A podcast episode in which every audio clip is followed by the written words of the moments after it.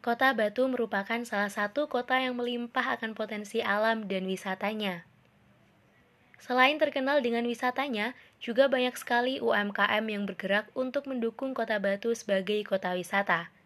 Nah, saat ini kita sedang berada di Kelurahan Songgokerto. Di kelurahan ini terdapat salah satu UMKM yang menarik untuk kita ulik, yaitu UMKM Gria Saini Batik. UMKM Gria Saini Batik ini adalah UMKM yang bergerak di bidang budidaya ulat sutra untuk diolah menjadi produk pendukung kain sutra berkualitas. Nah, teman-teman pasti penasaran dengan UMKM ini kan? Yuk ikut kami ke lokasinya. Kota Batu merupakan salah satu kota yang melimpah akan potensi alam dan wisatanya. Selain terkenal dengan wisatanya, juga banyak sekali UMKM yang bergerak untuk mendukung Kota Batu sebagai kota wisata. Nah, saat ini kita sedang berada di Kelurahan Songgokerto. Di Kelurahan Songgokerto ini terdapat salah satu UMKM yang menarik untuk kita ulik, yaitu UMKM Gria Saini Batik.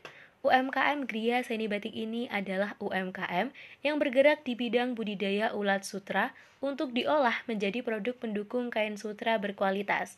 Nah, teman-teman pasti penasaran dengan UMKM ini kan? Yuk ikuti kami! Pakan ulat sutra adalah daun jarak. Pada saat mengambil daun jarak ini, kita harus berhati-hati, dikarenakan banyak ulat bulu yang menempel di daun. Daun jarak dipotong tangkainya menggunakan gunting. Kemudian tangkai daun segar yang digunakan sebagai pakan harus disimpan di dalam wadah yang berisi air untuk mempertahankan kesegarannya dan agar bisa dipakai beberapa hari ke depan. Dalam memberikan pakan, Daun-daun tersebut disobek daunnya saja, kemudian ditindihkan ke dalam nampan yang di dalamnya sudah berisi banyak ulat sutra. Biasanya ulat-ulat tersebut akan aktif makan pada malam hari. Pemberian pakan ini rutin dilakukan agar ulat dapat tumbuh dengan cepat dan besar. Pakan ulat sutra adalah daun jarak. Pada saat mengambil daun jarak ini, kita harus berhati-hati, dikarenakan banyak ulat bulu yang menempel di daun.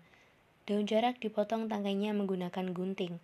Kemudian, tangkai daun segar yang digunakan sebagai pakan harus disimpan di dalam wadah yang berisi air untuk mempertahankan kesegarannya dan agar bisa dipakai untuk beberapa hari ke depan.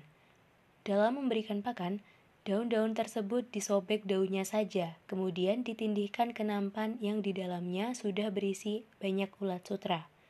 Biasanya ulat-ulat tersebut akan aktif makan pada malam hari. Pemberian pakan ini rutin dilakukan agar ulat dapat tumbuh dengan cepat dan besar.